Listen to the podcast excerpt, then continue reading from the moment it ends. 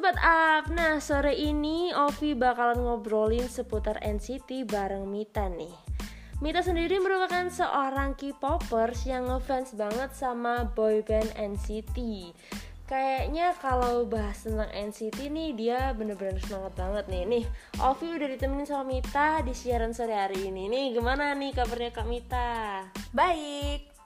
Baik aja, udah gitu Iya, aja Iya, baik aja sih. Yang penting kan sehat ya. Oh iya bener Iya. banget. Gimana nih? Eh, kalau ngobrolin tentang NCT, apa yang ada di benak kamu sekarang? Apa ya NCT tuh rame banget sih.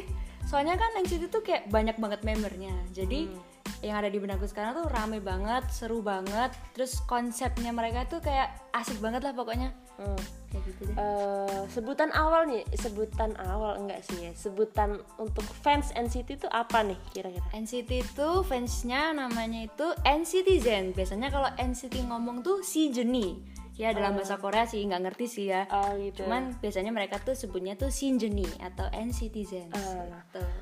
Sudah sejak kapan nih Mita jadi fans NCT dari awal NCT debut kah atau kapan nih? Kalau jadi fans sih kayaknya sekitar tahun 2018-an nih ya. Tapi kalau tahu NCT sejak mereka debut ya udah tahu sih tahun 2016 juga udah tahu. Oh gitu. Gitu. Jadi udah lumayan lama ya berarti udah ya, udah berjalan jadi 2 fans. tahun. Terus akhir-akhir ini NCT lagi booming banget nih. Bener banget. Eh, apa nih yang bikin dia booming banget nih? Terutama comeback tahun 2020 kemarin sih itu. Oh. Itu bener-bener booming banget, pecah banget NCT gila. Hah? Pecahnya nih karena apa nih? Nih. karena comeback kemarin itu bener-bener kayak apa ya konsepnya NCT tuh dapat banget gitu loh. Dari setiap lagunya enjoy banget kita dengerin lagunya. Setiap musik-musiknya tuh keren banget. Musik videonya apalagi ketampanannya ke 23 member tuh nggak usah diraguin lagi lah ya. Dengar-dengar ada personil baru tuh. iya bener ada dua member baru.